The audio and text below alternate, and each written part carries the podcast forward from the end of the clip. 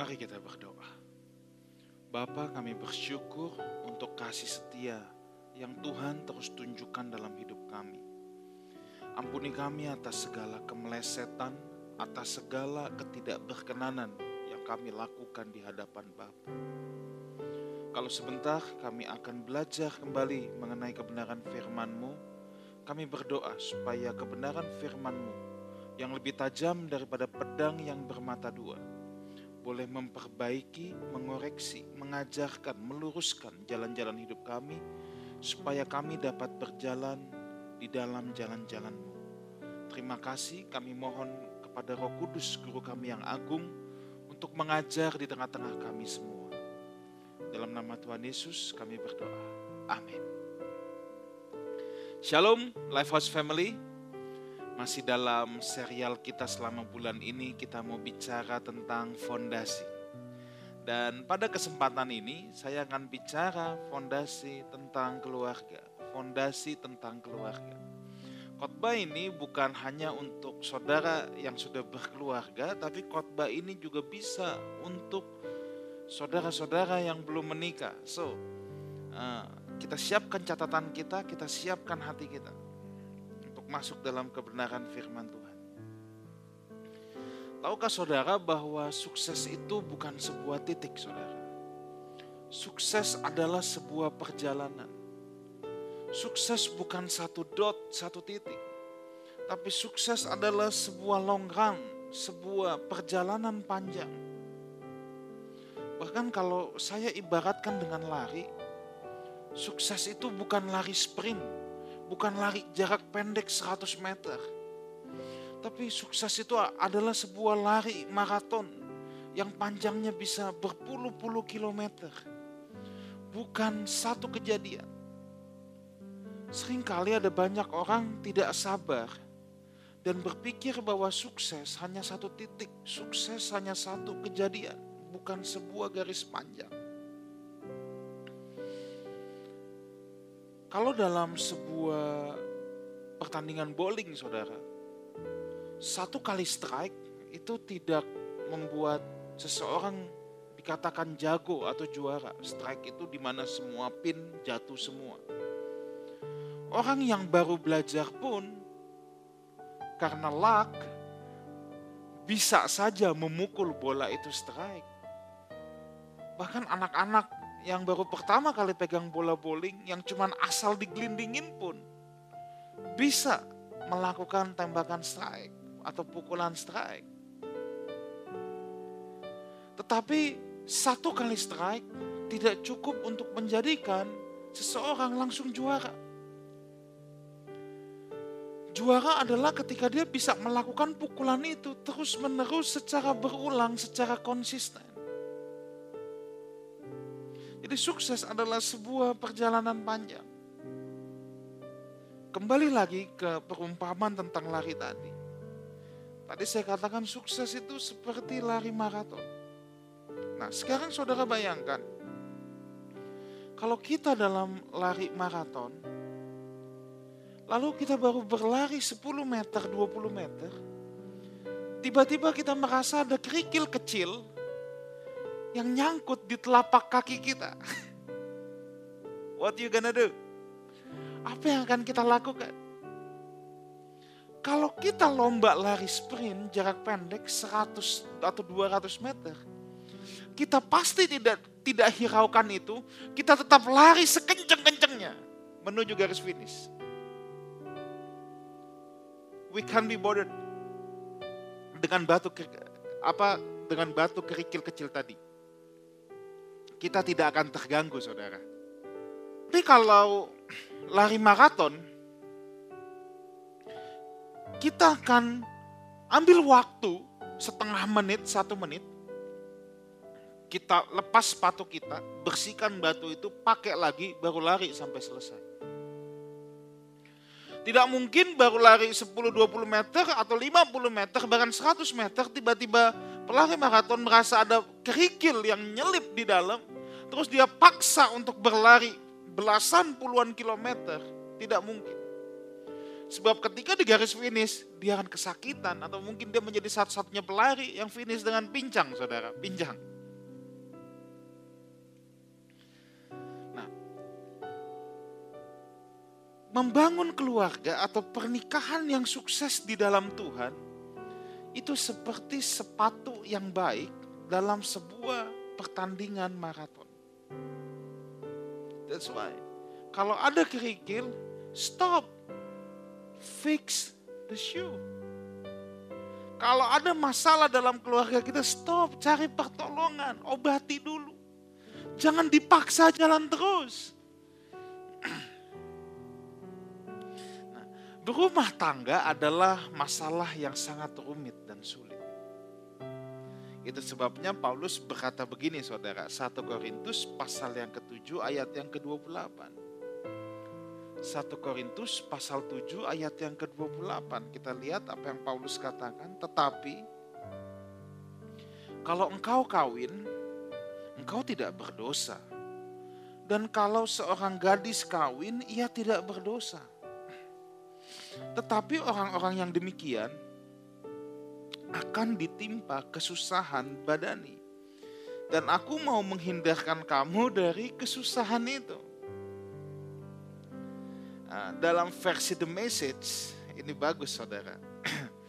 All I am saying is that when you marry, you take an additional stress in an already stressful time and I want to spare you if possible. Dengan kata lain, tidak ada yang salah dengan pernikahan. Tapi kalau kita mau menikah, kita harus tahu bahwa kita harus siap menerima ini. Additional stress. Karena pernikahan itu memang rumit dan sulit. Membangun keluarga itu stres, saudara, sulit. Itu sebabnya tidak ada sekolah tetapnya, hanya ada sekolah kehidupan. Kalau saudara ambil sekolah arsitek, ada wisudanya. Kalau pernikahan sangkin sulitnya, sangkin rumitnya tidak ada sekolahnya. Yang ada hanya sekolah kehidupan. Sebab saudara tidak bisa belajar pernikahan 3 tahun, 4 tahun di wisuda dan selesai. No. Wisudanya pernikahan adalah sampai maut memisahkan. Itu wisudanya. Makanya pernikahan adalah is a long journey. Itu stres dan sulit. Ini bukan menakut-nakuti yang belum menikah. Saudara ikuti terus. Ya. Saya mengatakan begini bukan berarti merit itu berbahaya dan jangan menikah. Sulit bukannya berarti tidak bisa. Ya kan? Ada soal-soal yang sulit dalam ujian bukannya berarti tidak bisa kita kerjakan, bisa. Bahkan sometimes yang sulit itu memang harus kita lalui. Jadi saya katakan ini bukan berarti merit itu bahaya atau jangan menikah. Hanya orang tertentu saudara yang punya panggilan khusus untuk tidak menikah. Itu kan yang Tuhan katakan dalam Matius 19 ayat 11 dan 12. Nanti saudara baca sendiri aja. Tetapi jangan sampai yang belum menikah memutuskan tidak menikah karena trauma. Nah itu yang kasihan. Jangan. Karena memang sangat rumit dan sulit dan ini sifatnya lifetime. Itu sebabnya saudara mempertahankan sebuah pernikahan tidak cukup dengan cinta. Saya ulang lagi, mempertahankan pernikahan tidak cukup dengan cinta. Harus dengan pengetahuan. Saudara mau sukses di bidang apa pun, saudara butuh yang namanya pengetahuan. Sukses di segala bidang apa pun sangat bergantung dari seberapa banyak kita tahu, bukan bergantung dari apa yang kita rasa. Jadi ini yang ini yang harus kita pahami dengan benar. Saudara bisa mencintai apa pun yang saudara mau, tapi tanpa pengetahuan, cinta itu bisa berbalik jadi sebuah kefrustasian, bisa berbalik jadi sebuah kebencian, saudara. Itu sebabnya you need knowledge. Saudara butuh pengetahuan. Karena pernikahan adalah lembaga yang Allah ciptakan. Maka dasar dari pengetahuan itu harus firman Allah. Sebab pernikahan adalah sebuah hal yang sakral, yang suci, yang kudus. Tuhan yang menciptakan sebagai institusi pertama di muka bumi ini. Komunitas pertama. Institusi pertama yang diciptakan bukan negara, bukan klub sepak bola, klub basket, bukan. Institusi pertama adalah keluarga karena Allah yang menciptakan. Maka manual book tentang pernikahan itu juga harus berdasarkan firman Allah. Sama seperti orang yang membangun rumah, fondasi harus kuat dan harus memiliki pengetahuan tentang rumah itu. Tetapi seperti yang minggu lalu saya sudah sampaikan, membangun sebuah fondasi yang kuat itu capek dan mahal. Tetapi semakin bernilai sesuatu, maka kita akan semakin willing, kita akan rela melakukannya sekalipun itu sulit, sukar, capek, mahal. Dan saya harap saudara bisa menghargai pernikahan saudara lebih daripada menghargai apa pun benda apa pun yang saudara punya. So, kita masuk sekarang. Fondasi pernikahan Kristen itu apa? Yang pertama, menjadi pribadi yang utuh di hadapan Tuhan. Fondasi pernikahan Kristen yang pertama adalah menjadi pribadi yang utuh di hadapan Tuhan. Kejadian 1 ayat 27. Kejadian 1 ayat 27 ini dasarnya. Maka Allah menciptakan manusia itu menurut gambarnya. Menurut gambar Allah diciptakannya dia, lihat ini, laki-laki dan perempuan. Diciptakannya mereka. Alkitab tidak berkata, maka Allah menciptakan sepasang suami istri. Alkitab tidak berkata maka diciptakan husband and wife. Tapi male and female he created them. Ini fondasi pertama yang saudara harus ketahui. Masyarakat yang sehat hanya bisa terjadi karena adanya keluarga-keluarga yang sehat.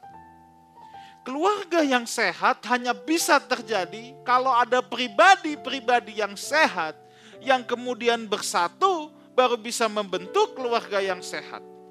Kalau pribadi yang sakit bersatu maka akan keluarga yang sakit. Apalagi kalau dua-duanya sakit. Ya nggak aneh kalau keluarganya jadi sakit-sakitan. Ini dasar kebenaran firman Allah yang luar biasa maka Allah menciptakan laki-laki dan wanita, laki-laki dan perempuan. Bukan husband and wife. Saudara yang harus terlebih dahulu menjadi pribadi yang utuh di hadapan Tuhan. Saudara tidak perlu menikah untuk menggenapi rencana Allah dalam hidup saudara. Itu sebabnya Yesus tidak menikah. Itu sebabnya Paulus tidak menikah, yet mereka tetap bisa menggenapi rencana Allah dalam hidup mereka. Sebab memang syarat menggenapi rencana Allah dalam hidup mereka bukan get married. Tapi menjadi pribadi yang utuh. Kita lihat sebentar saudara, kejadian dua. Ayat yang ke-18. Kejadian 2 ayat 18. Sebelum kita baca tadi saya katakan, keluarga yang sehat harus terdiri dari pribadi-pribadi yang sehat. Sebab menikah itu bukan gluing, menikah itu bukan menempel, saudara, bukan menempelkan. Menikah itu mencampurkan, fusion, fusion. Ya. Jadi menikah itu bukan cuma nempel, tapi menikah itu dua menjadi satu. diffusion, dicampur. Makanya suksesnya pernikahan terletak pada laki-laki dan perempuan yang terlibat di dalamnya. It's like making an omelet. Siapa yang suka omelet? Omelet biasanya telurnya perlu dua, saudara. Kalau telurnya satu susah untuk bikin omelet. Bikin omelet, kalau satu telur busuk, sekalipun satu telur itu sehat, saya pastikan omelet itu tetap tidak enak. Apalagi kalau dua-duanya busuk. Atau kalau saudara bikin jus. Ada satu yang busuk aja. Itu bisa membuat rasa jus itu jadi nggak enak. Tapi saya lebih suka perumpamaan omelet. Soalnya orang biasa bikin omelet itu pakai telur dua. Kalau jus banyak buahnya. Ya. Kejadian 2 ayat 18. Saya mau ajak saudara dulu untuk memperhatikan hal ini. Saya mau bicara ke hal yang paling prinsipal. Sebelum saya bicara tentang harus mengasihi, harus tunduk apa. No, this is the main principle. Ini underline-nya saudara. Kejadian 2 ayat 18. Tuhan Allah berfirman, tidak baik kalau manusia itu seorang diri saja. Aku akan menjadikan penolong baginya yang sepadan dengan dia dalam bahasa Inggris gini. The Lord God said, It is not good for a man to be alone. I will make a helper suitable for him. It's not good for a man to be alone.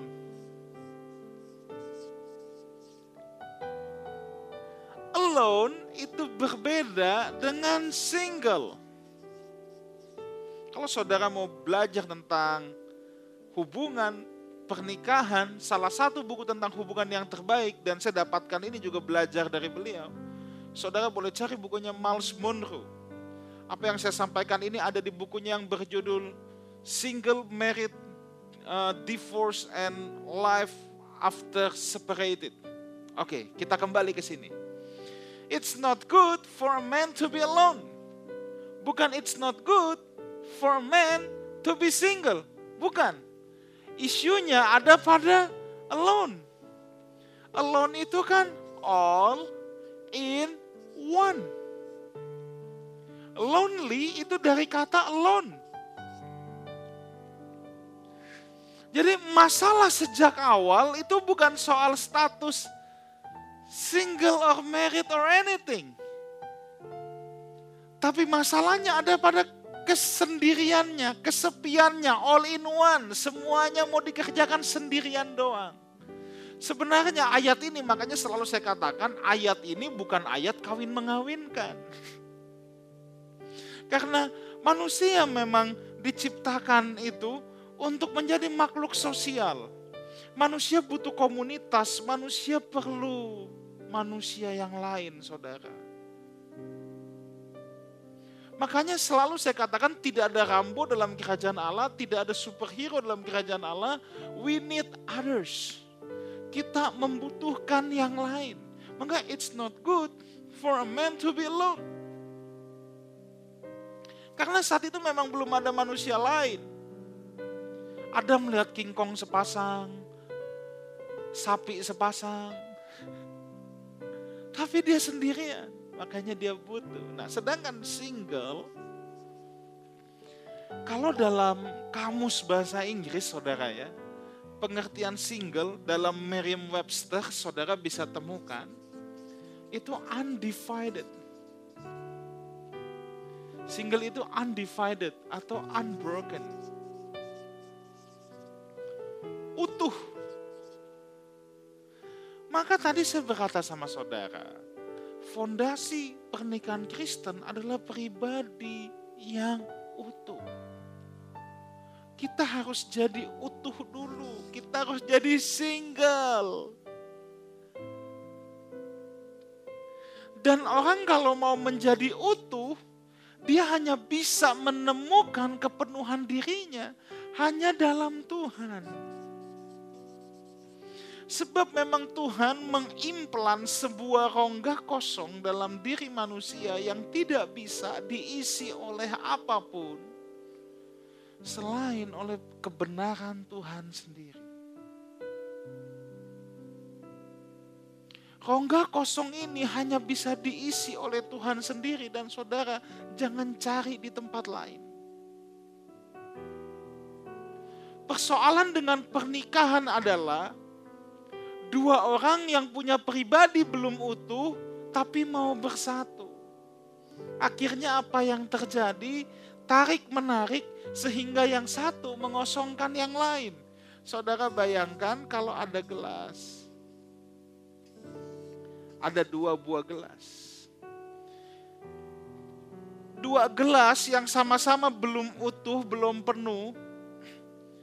Kalau mau disatukan, ini akan tarik menarik. Kalau ini saudara isi ke sini, ini bisa penuh, tapi ini akan drain kosong.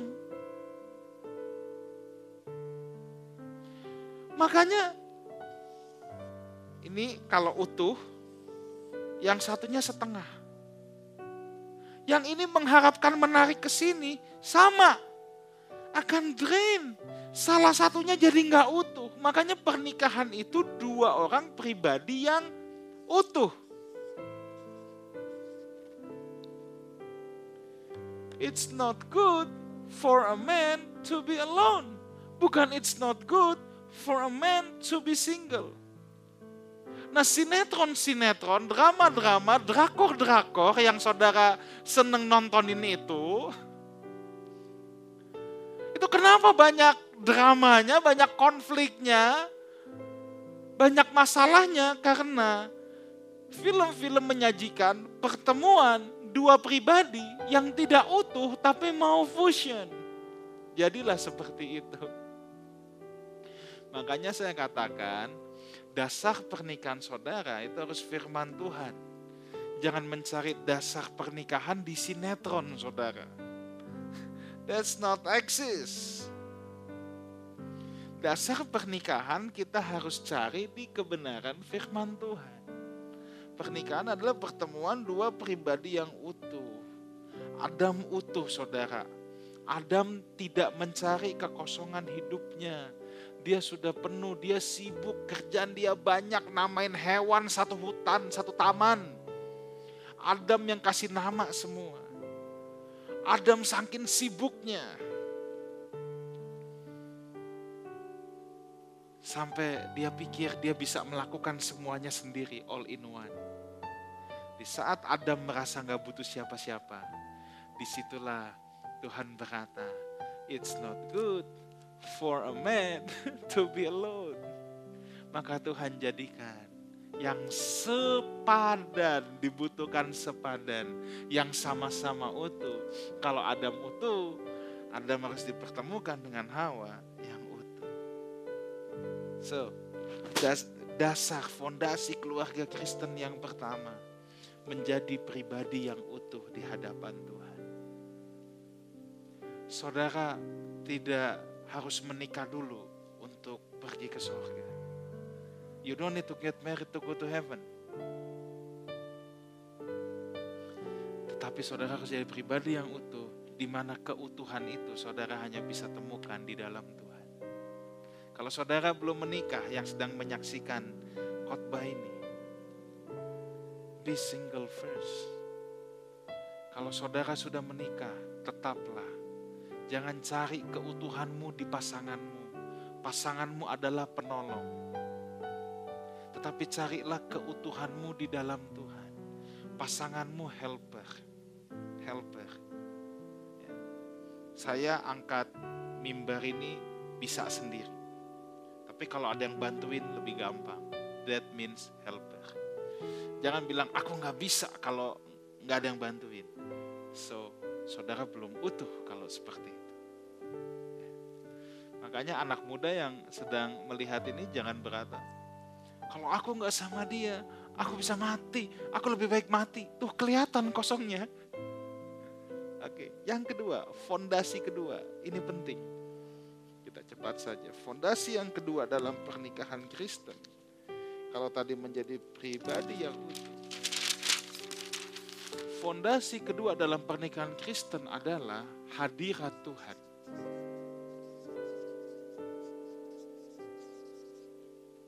Hadirat Tuhan. Manusia diciptakan di Taman Eden. Eden ini berarti spot. Eden juga berarti delight.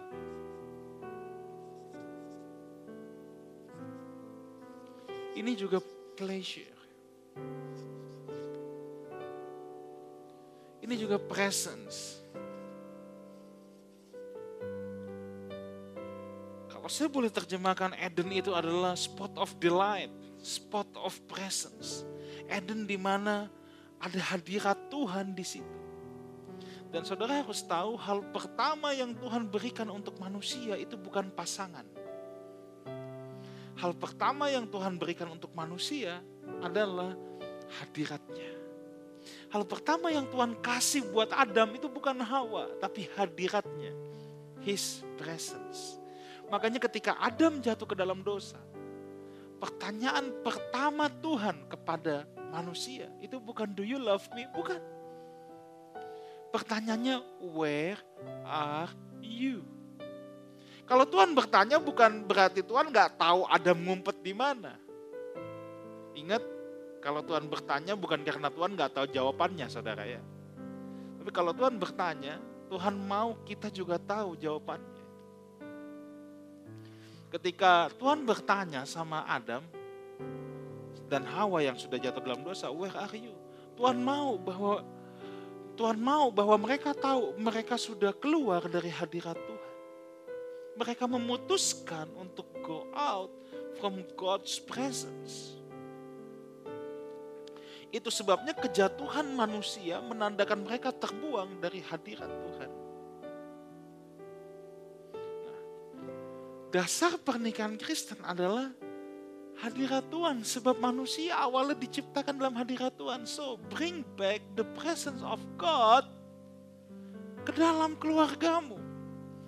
Kalau saudara yang belum menikah, cari pasangan hidup yang mencintai hadirat Tuhan. Mencintai His presence. Jangan saudara cuman terimpress karena dibukain pintu. Ya cari aja doorman kalau cuma mau dibukain pintu. Jangan terimpress cuman karena dikedipin. Jangan terimpress cuman, wah gue gak tahu kalau ketemu dia deg-degan. Saudara jalan laut kuburan malam-malam juga bisa deg-degan loh. Plus merinding-merinding. Tapi cari apakah dia ada dalam hadirat Tuhan atau tidak. Apakah dia mencintai hadirat Tuhan atau tidak? Kalau saudara yang sudah menikah, you need to bring it back to your family. Yang ayah jadi imam, bawa kembali hadirat Tuhan masuk ke dalam keluargamu. Dan saya harus bilang untuk yang wanita-wanita, kalau saudara mencari pria yang mencintai hadirat Tuhan dan hidup di dalam hadirat Tuhan, He never slap you. Saudara nggak akan pernah ditampar sama dia. He never curse you. Saudara tidak akan dikutuki sama dia. Dan dia tidak akan mengkhianati saudara. Demikian juga wanita, pria-pria. Kalau Anda menemukan wanita yang ada di dalam hadirat Tuhan, dia tidak akan matre. Dia tidak akan selingkuh mengkhianati saudara. Dia tidak akan mengutuki saudara saya teruskan. Di Taman Eden, perintah Tuhan untuk manusia di ayat yang kedua, eh, kejadian 2, ayat yang ke-15 sekarang. Dua, ayatnya yang ke-15. Tuhan Allah mengambil manusia itu dan menempatkannya dalam Taman Eden untuk mengusahakan dan memelihara taman itu untuk mengcultivate segala sesuatu yang ada di dalam taman itu. Ketika Hawa diberikan untuk Adam, tugas Adam juga untuk cultivate Hawa. Itu artinya apa? Dalam hadirat Tuhan, kita punya tanggung jawab, para ayah punya tanggung jawab, bajak istrimu, bajak keluargamu.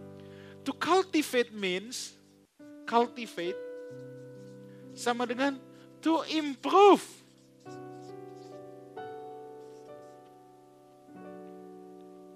Improve istrimu, improve anak-anakmu, bajak keluargamu dalam hadirat Tuhan. Bagaimana cara supaya kita bisa kembali membawa kembali hadirat Tuhan ke dalam keluarga kita? Tidak ada cara lain. Saudara harus memiliki mesbah keluarga. Saudara harus berdoa bersama. Sebab saudara akan menjadi intim dengan siapa saudara berdoa. Bagaimana untuk membawa kembali hadirat Tuhan masuk dalam keluargamu? Hiduplah dalam kekudusan Tuhan. Bawa masuk Tuhan menjadi kepala dalam rumah tanggamu. Hal yang ketiga, yang terakhir. Fondasi keluarga Kristen adalah Kristus sebagai kepala. Kristus sebagai kepala. Efesus pasal yang kelima, saudara. Dari ayat yang ke-22. Hai istri, tunduklah kepada suamimu seperti kepada Tuhan. Bukan tanduklah, tunduklah. Tunduklah ya karena suami adalah kepala istri, sama seperti Kristus adalah kepala jemaat. Dialah yang menyelamatkan tubuh. Karena itu sebagaimana jemaat tunduk kepada Kristus, demikian juga istri kepada suami dalam segala sesuatu. Sekarang buat orang tua, hai suami untuk ayah maksud saya, Kasihilah istrimu sebagaimana Kristus telah mengasihi jemaat dan telah menyerahkan dirinya baginya untuk menguduskannya sesudah ia menyucikannya dengan memandikannya dengan air dan firman. Supaya dengan demikian ia menempatkan jemaat di hadapan dirinya dengan cemerlang tanpa cacat atau kerut atau yang serupa itu tetapi supaya jemaat kudus dan tidak bercela Demikian juga suami harus mengasihi istrinya sama seperti tubuhnya sendiri. Siapa yang mengasihi istrinya, mengasihi dirinya sendiri. suami mengasihi istri, husband to wife, seperti Kristus mengasihi jemaat. Berarti apa? Membersihkan cacatnya. Wash her stain kalau ada noda itu dibersihkan. Justru suami yang menambal kekurangan istrinya. Kalau istrinya punya kekurangan, bukan dibego-begoin, bukan digoblok-goblokin, bukan dicaci maki. Justru Kristus kepada jemaat, Kristus memperlengkapi jemaat. Justru tugas kita improve istri kita. Make her awesome develop her. Dan tidak lupa Kristus kepada jemaat itu sacrifice, berkorban. Artinya kita mendahulukan dia lebih daripada diri kita sendiri. Kristus kepada jemaat, dia penjaga. To guard, to protect, not to hurt, bukan untuk menyakiti, tapi untuk memprotek. the safest place for a wife is the is the arm of her husband. Tempat yang paling aman untuk seorang wanita adalah di bahu suaminya. Tempat yang paling aman untuk anak perempuan di lengan ayahnya. Makanya kalau yang belum menikah, kalau cowok ajak yang cewek dating, please make her safe. Buat dia aman, bukan buat dia jadi pregnant. Kalau saudara ajak dating, pastikan dia pulang dengan aman, bukan pulang dengan keadaan hamil. Istri ke suami, penolong, bukan perongrong. Kalau sampai helpernya frustasi itu bahaya. Helper itu harus sharp, harus intelligent, harus intuitif, harus berhikmat. Jangan sampai frustasi. So, tiga fondasi keluarga Kristen. Apa tadi saudara? Menjadi pribadi yang utuh. Hadirat Tuhan dan kita menjadikan Kristus sebagai kepala. Saya akan tutup dengan ini. Buat saudara yang belum menikah atau yang mau membangun keluarga. Atau kalau saudara mau masuk ke dalam sebuah relationship. Yang saudara harus tanyakan, yang pertama, cinta hadirat Tuhan enggak? Yang kedua, sudah kerja belum? Ingat, Adam disuruh kerja dulu, baru dikasih Hawa. Don't go into a relationship kalau saudara belum kerja. Terus pertanyaan yang ketiga yang saudara harus tanyakan, do you have vision for your life? Saudara harus tahu kalau mau berhubungan mau dibawa ke mana. Jangan sampai orang buta menuntut orang buta. Dan yang terakhir, kalau saya dengan dia, dia bisa improve saya? Saya berdoa supaya Life Force Family memiliki dasar-dasar fondasi dalam hubungan, dalam keluarga yang kuat di dalam Tuhan. Tuhan memberkati kita semua. Haleluya. Mari kita berdoa. Bapa dalam sorga hambamu berhenti berbicara. Aku berdoa Tuhan. Supaya firmanmu yang lebih tajam dari pedang bermata dua. Boleh menembus roh kami, jiwa kami. Sekaligus juga menjadi fondasi kami dalam hidup kami, dalam keluarga kami. Kau melihat setiap kami yang sedang mendengarkan kebenaran firman ini. Aku berdoa supaya firman ini boleh menerobosi kehidupan setiap anak-anak. Dan sekarang jemaat yang kekasih, angkatlah kedua belah tanganmu dan terimalah berkat Tuhan. Kiranya Tuhan memberkati saudara, Tuhan memberkati keluargamu, Tuhan memberkati jalan-jalan hidup. Tuhan memberkati keluar masukmu. Tuhan menyinari engkau dengan wajahnya yang penuh dengan kemuliaan. Dan kiranya berkat dari Allah Bapa, cinta kasih, kasih karunia dari Tuhan kita Yesus Kristus. Dan persekutuan yang indah dan yang manis dengan roh kudus. Menyertai kita semua sampai Maranatha.